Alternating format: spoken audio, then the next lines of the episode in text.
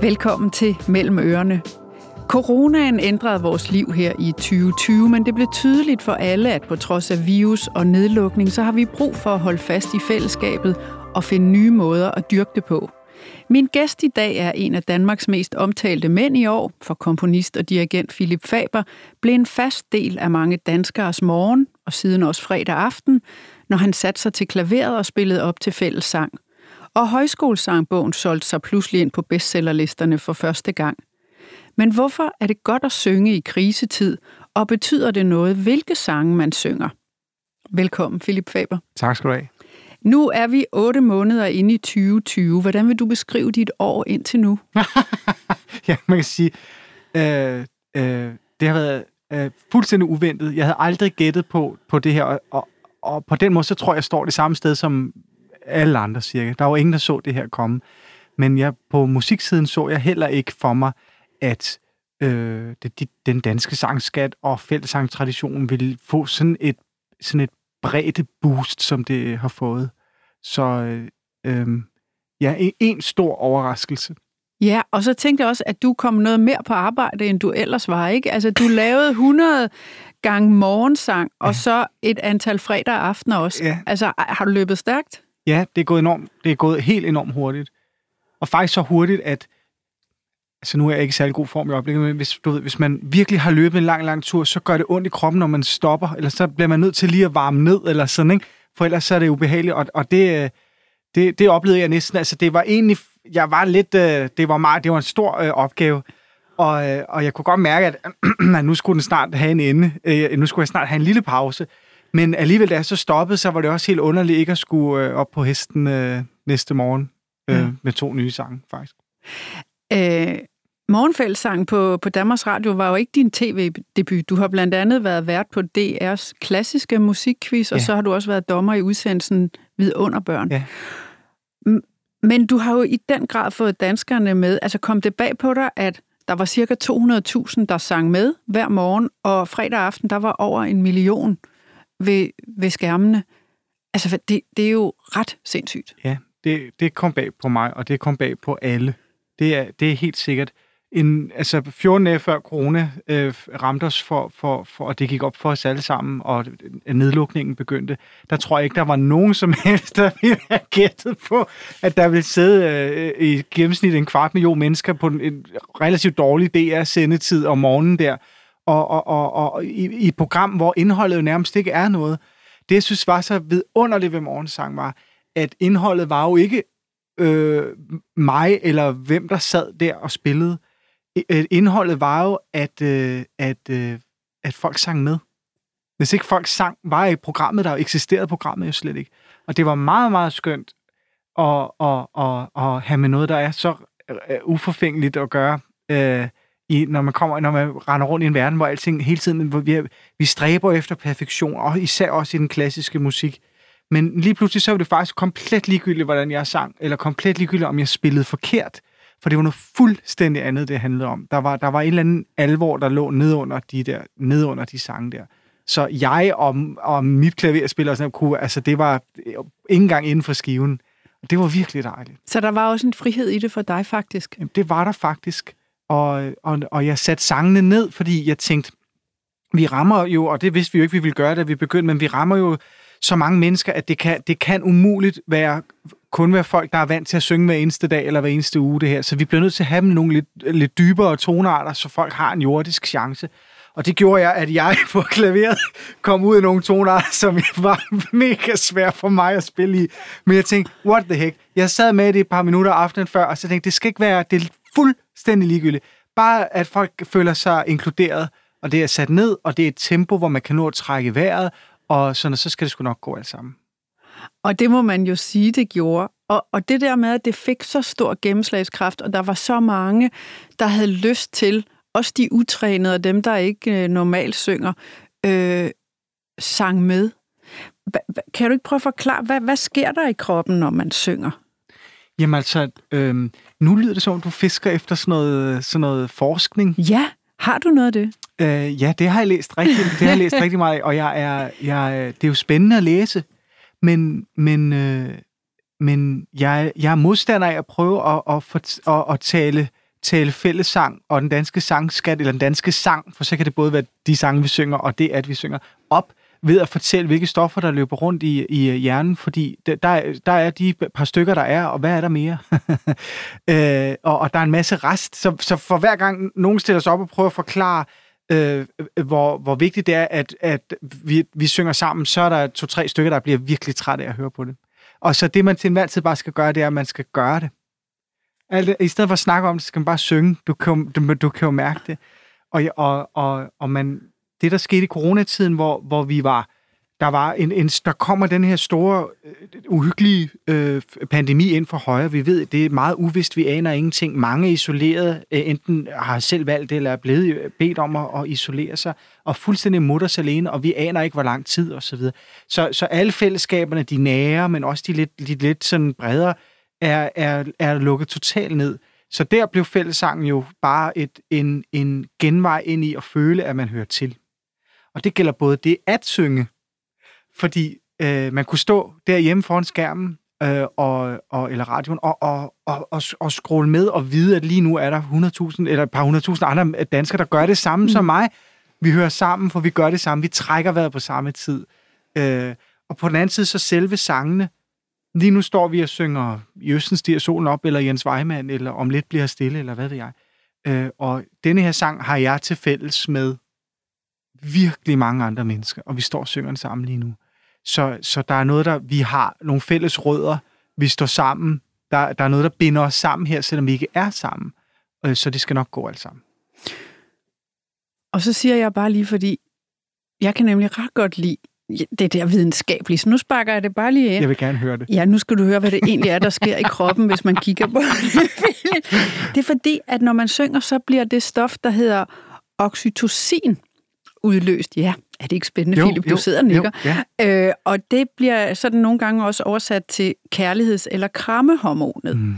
Og, øh, og der giver det jo rigtig god mening, at når det er det, der bliver udløst i hjernen på os, så er det lige så godt som næsten at være forelsket eller at få et stort kram. I en tid, hvor man faktisk ikke må kramme hinanden. Ikke? Lige præcis. Ja. Øh, jeg har også læst mig til, at der er færre konflikter i børnehaver, hvor man synger meget sammen. Mm. Så tænker man, gælder det så også for voksne?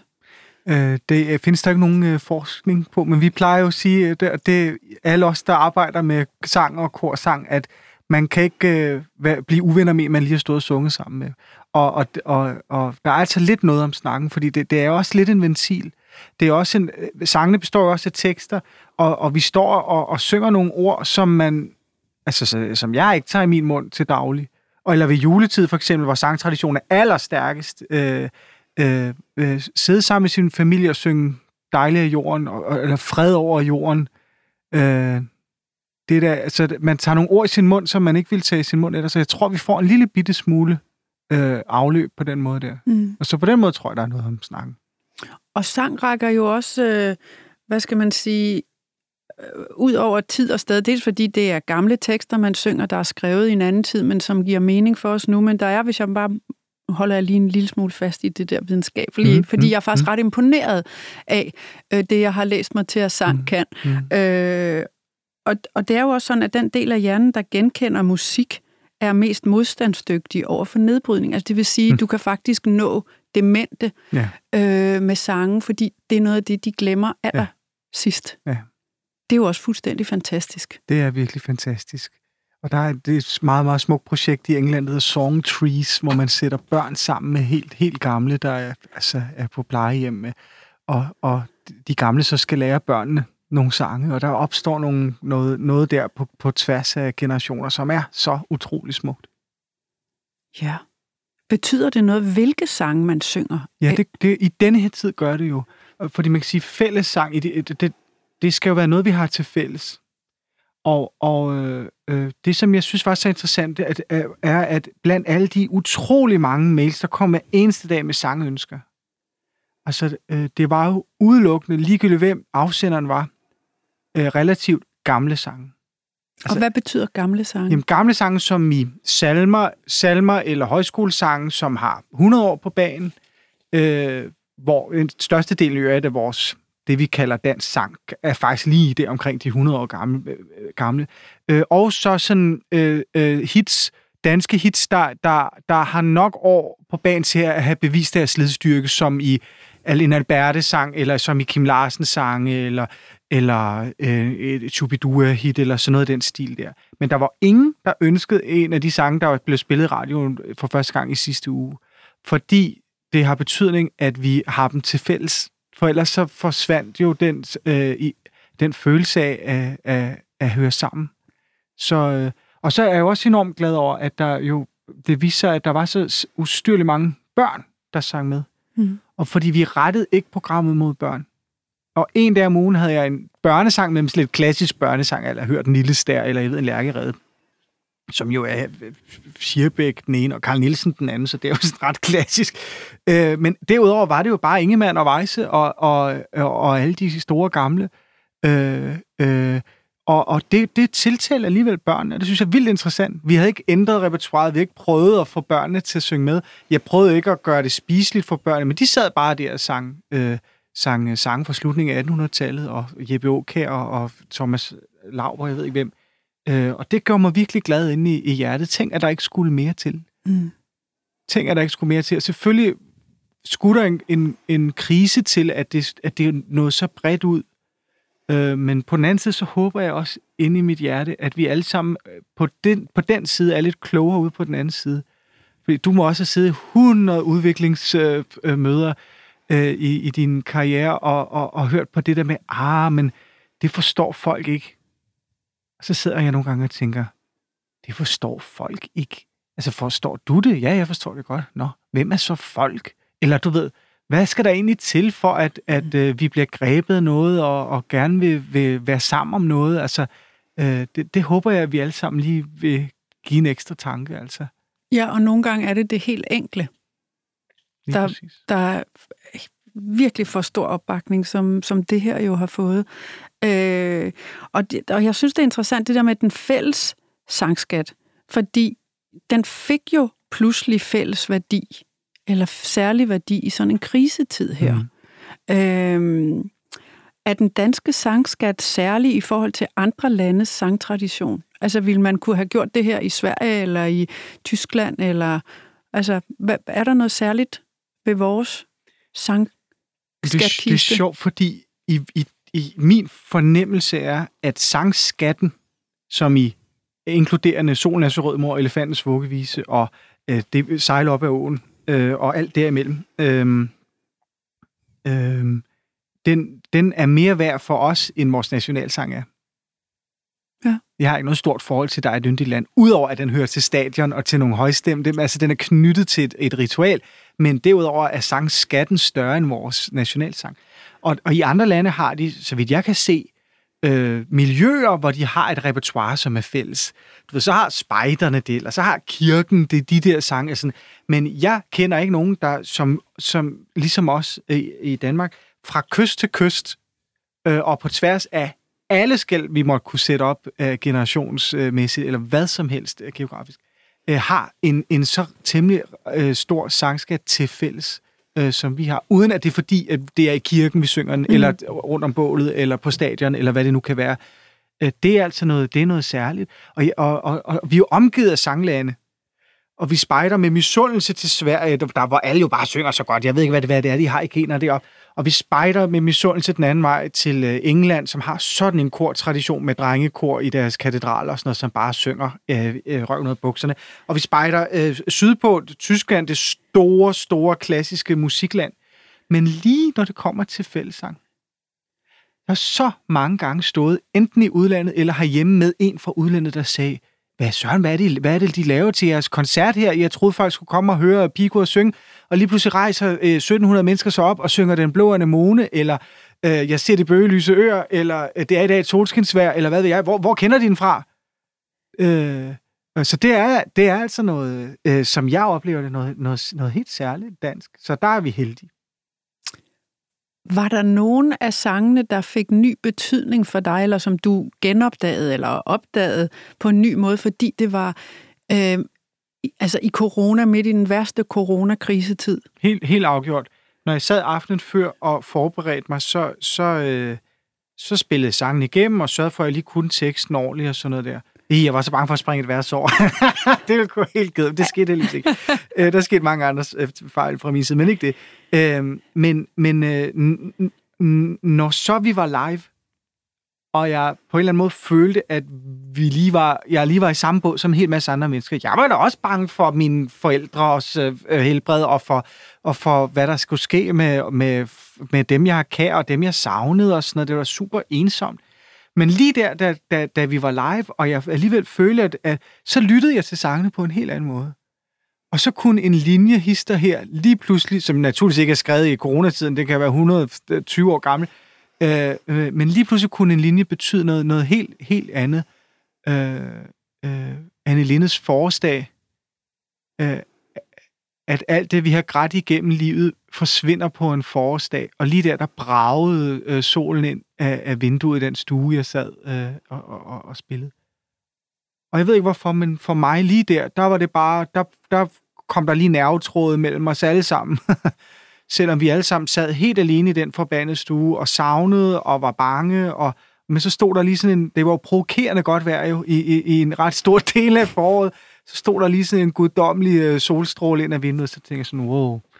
Ja, så det kan du tro. Og der, jeg har opdaget nogle, også nogle af de gamle sange på ny, som jeg troede var lidt kedelige.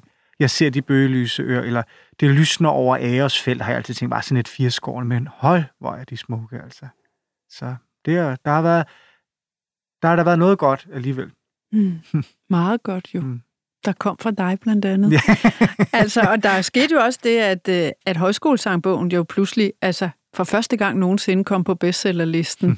Så det har jo trukket tråde øh, ud i virkelig mange hjem.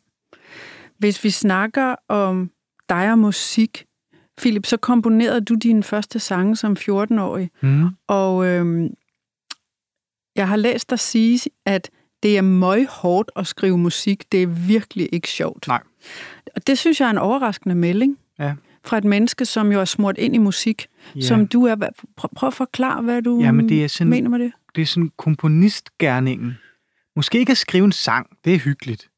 Men at sidde og skrive et stykke, et, et værk for orkester, eller en eller anden kammerbesætning, eller øh, kor for den sags skyld. Det, det, det, det, det er forfærdeligt hårdt. Øh, øh, og, og hvorfor? Altså nu spørger jeg jo som en, der kun spillede blokfløjte i 4. klasse. Jo, men du, skriver, du har jo skrevet bøger jo. Ja, er men... det ikke hårdt? Altså, jeg synes mest, det var sjovt. altså egentlig, men det er jo heller ikke helt det samme måske som at skrive til... Det, det, det, det ved jeg jo heller ikke, jeg troede lige. men du skriver, altså, så, det, så jeg spørger bare som den helt øh, med åben sind. Ja. Hvad er det, der er, der er det, svært i det? Det skal jeg fortælle dig. Det svære er, at vi er, nu er vi i år 2020. Hvis, vi skal, hvis jeg skal skrive et værk i år 2020, nu er jeg ikke nogen stor komponist, men alligevel, øh, så skal det jo lyde af og som om det er skrevet i år 2020. Det skal, ikke, det, skal jo ikke, det skal jo ikke lyde som om det er skrevet for 20 år siden, eller 50 år siden, eller 100 år siden. Øh, så det med, en, en, altså det med at finde en, en lyd, som ikke er popmusik og ikke er en højskolesang, men som er kompositionsmusik i år 2020, er en meget spøjs, øh, øh, meget, meget svær opgave, øh, faktisk. Hvad gør øh, du så? Jamen, altså, jeg er jo ikke verdens øh, største af, af slagsen, men, men altså, det, det, det alle gør, er jo at finde nogle systemer, som man på en eller anden måde kan skrive sig rundt om sig selv. Fordi hvis man bare sætter sig ned og, og smækker fingrene i tangenterne, og bare skriver den musik, øh, man lige kan finde på med fingrene, hvis man nu er pianist, eller synge, eller hvad man nu gør, øh, så, så er man jo begrænset af, af sine ører, og den musik, man har hørt igennem sit liv, og den musik, man bedst kan lide, og begrænset af, hvad fingeren, hvor fingrene lige finder hen. Så, så det er derfor, alle de store, altså, øh, de, de sidder øh, øh, med, bare med deres nodepapir og deres gode fantasi, og ikke med fingrene. Fordi det er så fristende at komme til at skrive noget, der bare er du og mål, og så lyder det som, altså, det har Carl Nielsen skrevet, det er fint. Øh, det er der ikke andre, der altså, skal gøre. Så det er bare meget, meget svært at, at lave klassisk musik i år 2020. Øh, så det, den skal knækkes man skal knækkes det, det, ved, at lave, ved at lave nogle talsystemer, eller ved at lave et eller andet, så man får skrevet en musik, man havde inde i sig, som ikke sidder i fingerspidserne, men sidder inde i på en eller anden måde. Og det er bare, tager bare lang tid. ja, ja, og så hvor går du hen for at knække knække den kode, så det kommer ud på den rigtige måde, som du gerne vil have, det skal komme ud på? Jamen, jeg har, den ved jeg ikke, om jeg har knækket endnu. Men jeg, jeg, jeg, er, jeg er plaget af, at jeg jo selv er dirigent. Og jeg ved godt, hvordan det er, og det har jeg prøvet rigtig mange gange, at modtage et nyskrevet værk fra en komponist, og så stå med det og tænke, hold da op, vi har koncerter om tre måneder, og jeg skal have lært mit kor den her musik. Kunne han ikke lige have gjort sådan, og kunne han ikke lige have gjort sådan? Og, så det bliver lidt for praktisk og lidt for brugs, øh, brugsagtigt, men jeg har fået knækket nøden her på komponistsiden sådan for nylig med at prøve at, at lade være med at tænke på, at øh, øh hvad der er nemt at lære, og hvad der ikke er nemt at lære, men prøve at være lidt mindre flink på den måde. Så du, du skubber komponisten ud af dine tanker, Nej, du, dirigenten. du, præcis. Ja, ja. Og, og koncentrerer dig om præcis. den halvdel, du jo også mestrer, nemlig bare at komponere. Præcis, og, og, og det, har, det har givet nogen et chok her øh, den seneste tid. Øh, for jeg tror, de har bestilt musik af mig, fordi de tænkte, øh, sådan en øh, flinkere en fyr som mig, og pigekursdirigenter øh, med begge ben i den danske sangtradition og sådan noget der. Så nu kommer der nok noget vellyd. Men øh, vellyd er meget, meget, altså er jo, er jo, er jo dejlig og smuk, og, og der er rigtig meget af den. Men det er virkelig sjovt at, at prøve at vende det på vrangen, og så, du ved, så man skal gå gennem et, man går ikke bare en rosenhave fra start til slut, man går gennem et tornekrat, og når du så ser en rose, du ved, så er det jo bare en åbenbaring af den anden verden, ikke? Så når der lige er noget, når der lige pludselig midt i noget, midt i tornekrat, står en eller anden durakord, eller, eller noget, som vi kender, så, så, så, op, så opleves det jo så meget desto større, kan du sige. Men der tænker jeg, når du fortæller det, så er det jo også fordi, så er du flyttet dig et eller andet... Er du blevet en badass, eller hvad? ja, det er jo... Det er jo, øh, det er jo øh, øh, jamen, øh, på den måde, på en meget nørdet måde, ja. Men jeg mangler at knække den. Jeg har lige knækket den nød som, som komponist. Og nu går jeg og håber på, at der kommer nogle fede... Øh, de næste bestillinger af, af, af til nogen, hvor jeg kan gøre det igen. Men jeg har ikke knækket den som... Øh, jeg har ikke knækket den som som orkesterdirigent endnu. Oh. Sjov nok. Øh, for der skal man, man skal være ret iskold, og jeg er meget, øh, jeg vil så gerne mærke de mennesker, jeg arbejder med. Og det er perfekt, når man har et kor, man mødes med hver eneste uge, som jeg har med pigekoret. Vi har et fantastisk samarbejde, det går lynende stærkt, og alt er bare en drøm. Når jeg så stiller mig foran nogle nye, hvis de er, er den hardcore type, der har en ny dirigent hver uge, øh, og det kan være både kor og, og orkestre, så er det godt nok et andet game. Der skal man godt nok bare blindt stole på sig selv, og ikke mærke efter, i, altså kun mærke efter nogle meget, meget, meget små, helt rigtige glimt undervejs, og ellers så bare gøre det, stole på sig selv og sin intuition og gøre det, man vil. Og sådan plejer jeg ikke at arbejde. Så det, det er stadig svært for mig. Er det altså fordi, du simpelthen er for,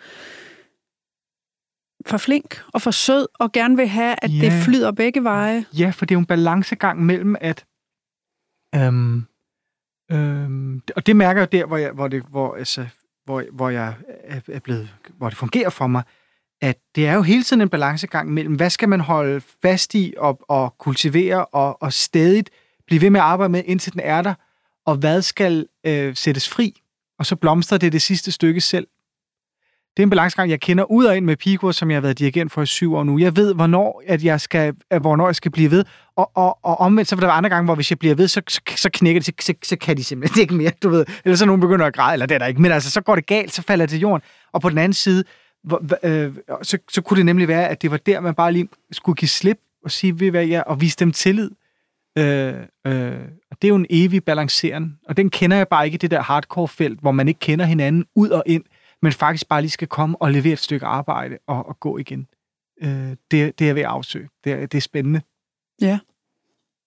Jeg, jeg læste et uh, stort interview med dig, hvor du talte om, at nogle gange så stod din pænhed eller din høflighed ja, ja, uh, faktisk ja. i vejen ja. for dig selv. Og, ja. og, og, og, så det er derfor, jeg spørger ja, ja, ja. til, om du faktisk, den bevægelse, man så kan se i dine uh, kompositioner, som har flyttet sig, i virkeligheden afspejler, at du er på vej et nyt sted hen. Det håber jeg inderligt. Eller det ved jeg, jeg er. Det ved jeg, ja. Øhm, men det er bare sjovt, at, at, at skrive musik, det er, lige lidt, det er lige et par skridt foran det andet der. Jeg tænker, så det knager. Øh, og evaluerer hele tiden på den anden side, når jeg står på podiet der med nogen, jeg ikke kender. Men hvorfor er det egentlig nødvendigt? Fordi du har jo stor succes, som du siger, med Vellyd og Rosenhave, og øh, du er anerkendt for det, du gør. Hvad er det så for... Hvad er det så, der gør, at du pludselig nu skriver tisler og tårne ind? Fordi jeg... Øh Øh, fordi jeg ikke kan tåle stillstand. Det er det værste, jeg ved.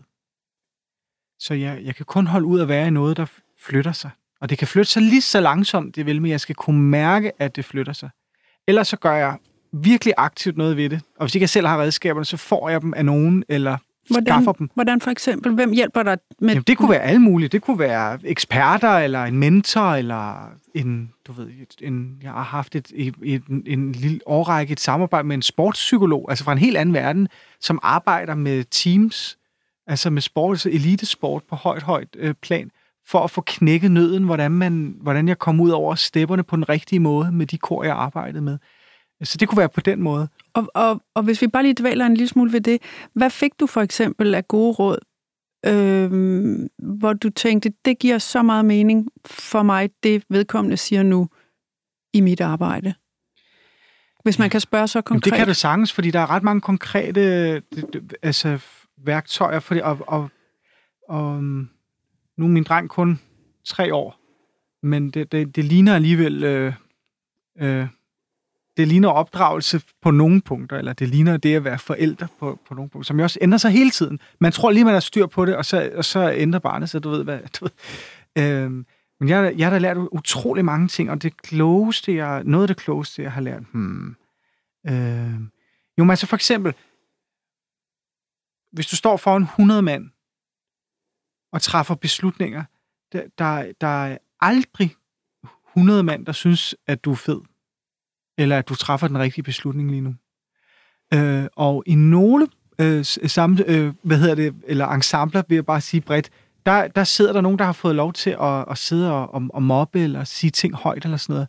Hold kæft, hvor har jeg hørt meget. Og det har alle unge dirigenter, selv Simon Rattle, der er verden, måske en af verdens allerstørste dirigenter, Altså, hvad, hvad han ikke har været igennem i sin karriere, før han blev til Simon Rattle. Altså, hvad man ikke skulle høre på. Altså, så sidder der en Fra, på... så sidder der øh, nogen og kommenterer. Når du gør sådan, hvad mener Eller sådan, er det meningen, at det skal være sådan? Har du tænkt over at... Eller sådan, som udfordrer dig hele tiden. Øh, øh, selvom du, selvom enhver kan se, du lige er på vej ind i en, vi tager lige noget igen, og nu vender vi det om, og nu gør vi, og alle kan se, at om to led, så er vi der, og så skal der altid lige sidde ind og punktere det. Øh, så og det, hvordan, det har du det svært med, ikke også? Øh, det havde jeg det svært ved. Det har jeg ikke mere. Nu er okay. jeg blevet verdensmester til det, Cecilie. Og det er så cool, fordi man kan bruge det i alle mulige aspekter af sit liv. Fordi man går altid hjem, når nogen på arbejdspladsen, eller hvor som helst, har sagt et eller andet til en, hvor man fik svaret et eller andet dumt bøde, eller lavet en vidighed, eller så, så kommer man hjem, og så tænker man, Åh, jeg skulle have sagt sådan og sådan. Det kan man jo ikke. Fordi der går, nu kan jeg huske, om det er 10 eller 15 sekunder, før hjernen fatter den situation, man lige har stået i. Så det perfekte comeback findes ikke. Øh, så noget af det bedste, jeg har lært, det er at, at øh, og tage, øh, mm, populært sagt, tage dummehatten på. Lige spørg ind. Så hvis man mærker i sin mave, du sidder i en sammenhæng, der er en eller anden, der siger et eller andet, og, og hvis, hvis du mærker i din mave, at der er et eller andet galt her, så i stedet for at automatsvare noget, så stop op og så sig, hov, jeg tror ikke, jeg forstår, hvad du mener. Fordi hvis vedkommende har øh, uintentionelt har sagt noget, der ikke var i orden, så vil de omformulere sig. Måske ligefrem sige undskyld. Hvis de intentionelt har, har sagt noget, så er det meget, meget få mennesker, der, når alt fokus er på dem, ikke på en udpeget øh, måde, men bare helt åben, at ej, det, ved du, det er sgu mig, kan du lige forklare, hvad det er, du mener? Det er meget, meget få mennesker, der foran øh, kolleger og alle vil, vil, øh, vil øh, uddybe den perfiditet, de lige har, de lige har sagt højt. Mm. Og så har jeg lært øh, også, at man, man at, at trække folk til side og tage en snak med dem, fordi når folk sidder gemt i et plenum, så tør de sige og gøre noget, øh, øh, Øh, men at, at gå hen og tage en, øh, en, øh, en snak med dem bagefter, det hjælper altid, eller det alt forsvinder. Også fordi, ej, nu bliver det meget sniksnak. Men nej, altså, nej, slet ikke. Jeg synes, det er barnet, super interessant. Hvis du står, hvis du står foran, øh, der er rødt på fodgængerovergangen, og siger, prøv at, prøv at høre, lille skat, når der er grøn mand, må du gå, og når der er rød mand, så bliver man stående her. Men kom, nu går vi lige over vejen, selvom der er rødt, for vi har en lille smule travlt, og du er jo sammen med far. Men når du står her alene næste gang, så går du først over, når det er grønt. Hvad gør barnet næste gang, det står der? Gør det det, du har sagt, eller gør det det, du har gjort? Og på nøjagtigt, og det har, været, det har måske været den allerstørste erkendelse, at alt det, jeg har stået og kigget, så stod og kigget over nogen og tænkt, jeg kunne godt tænke mig en øh, kulturændring, jeg kunne godt tænke mig, at, at de opførte sig på den og den måde, og de ikke gjorde sådan, og de ikke gjorde sådan, så har jeg skulle begynde hos mig selv. Mm. Fordi selv hvis en siger noget, der ikke er i orden, hvis jeg udpeger en foran alle, og siger, hov, hvad, øh, fister løgsovs, så kan jeg være sikker på, så har jeg lige autoriseret en kultur, hvor vi peger hinanden ud foran hinanden. Og det dur jo ikke, og det er derfor, man skal tale med vedkommende bagefter. Selv på den sødeste måde føler folk sig peget ud, eller udskammet, når hvis man gør det foran alle. Derfor gør man det ved siden af. Hvis jeg, jeg skulle arbejde med min, helt vildt meget med min, hvordan jeg er, når jeg er presset, fordi lige pludselig har vi, vi står inde i salen med pigekoret, og publikum bliver lukket ind om fem minutter, og jeg kan nå at få de sidste ting på plads. Øh, øh, hvis jeg snærer af min kollega, der kommer ind og siger noget til mig der, så går der fem minutter, så er der nogen i koret, der har snæret til sidemanden eller til mig. Så, der, så det er virkelig det med lyskrydset. Ikke fordi alting er mit ansvar, men der er bare så meget, der begynder hos en selv. Mm. Øh, og det er irriterende, men sandt. Og den gode nyhed er jo, at så er man også den, der er tættest på at kunne gøre noget ved det. Lige nøjagtigt. Ja. Så jeg kan godt sige det, fra nu af, når nogen siger et eller andet uh, ubehageligt, så falder det ned i sådan en lille traktsystem inde i mit hoved. Bum, bum, bum, bum, bum, bum, bum. Og så er nogle gange er der en, nogle gange er der to muligheder for mig at gøre noget ved det. Det føles dejligt. Det kan jeg godt forstå. Tænk engang, at det var en sportspsykolog. Jamen, det synes jeg, der er super interessant. Ja, ja, ja. At du kunne få, øh, få, få så meget ud af det. Ja. Øh, Philip, om tre måneder cirka, så kommer du med en øh, ny bog. Mm. Hvad handler den om? Jamen, den, den handler om den danske sang. Og sang som i de sange, vi synger, men også det, at vi synger. Men... Øh... Kommer der så en lille smule om oxytocin? Nej, Nå. det gør der faktisk ikke. Øh, og, og også fordi, der er ikke nogen, der ejer fællesang, og der er ikke nogen, der ejer den danske sang. Den danske sang er defineret af alle mennesker på, i det her lands yndlingssange lige nu. Så de sange, vi har i vores hjerte lige nu, gennemsnittet af dem, det er den danske sangskat. Så det er ikke det, der står i højskolesangbogen. Det er ikke det, der står i salmebogen, eller noget, der står nogen som helst andre steder. Det er det, og hvert sekund er der nogen, der dør, og nogen, der bliver født. Så, så vores hjertesangbog, den danske sangskat, ændrer sig jo hvert minut. Så derfor må en bog om den danske sang jo, øh, altså den bliver nødt til at være personlig, medmindre det var en afhandling, og det er det ikke. Så det er mine 20 yndlingsdanske sange, og hvorfor de er så fantastiske, i håbet om, at man bliver lidt inspireret. Og så lidt om, lidt om stemmen, lidt om fællesskaberne, lidt om fællesangens historie, lidt om sangskatten og nogle af mine helte. Ej, mand, det lyder godt. Det vil vi glæde os til. Fedt. Tak fordi du kom. Selv tak. Og tak til dig, der lyttede med mellem ørerne af tilbage igen næste fredag. For mere mellem ørerne, brug kampagnekoden Cecilie og få 30 dage gratis adgang til tusindvis af lydbøger på Mofibo.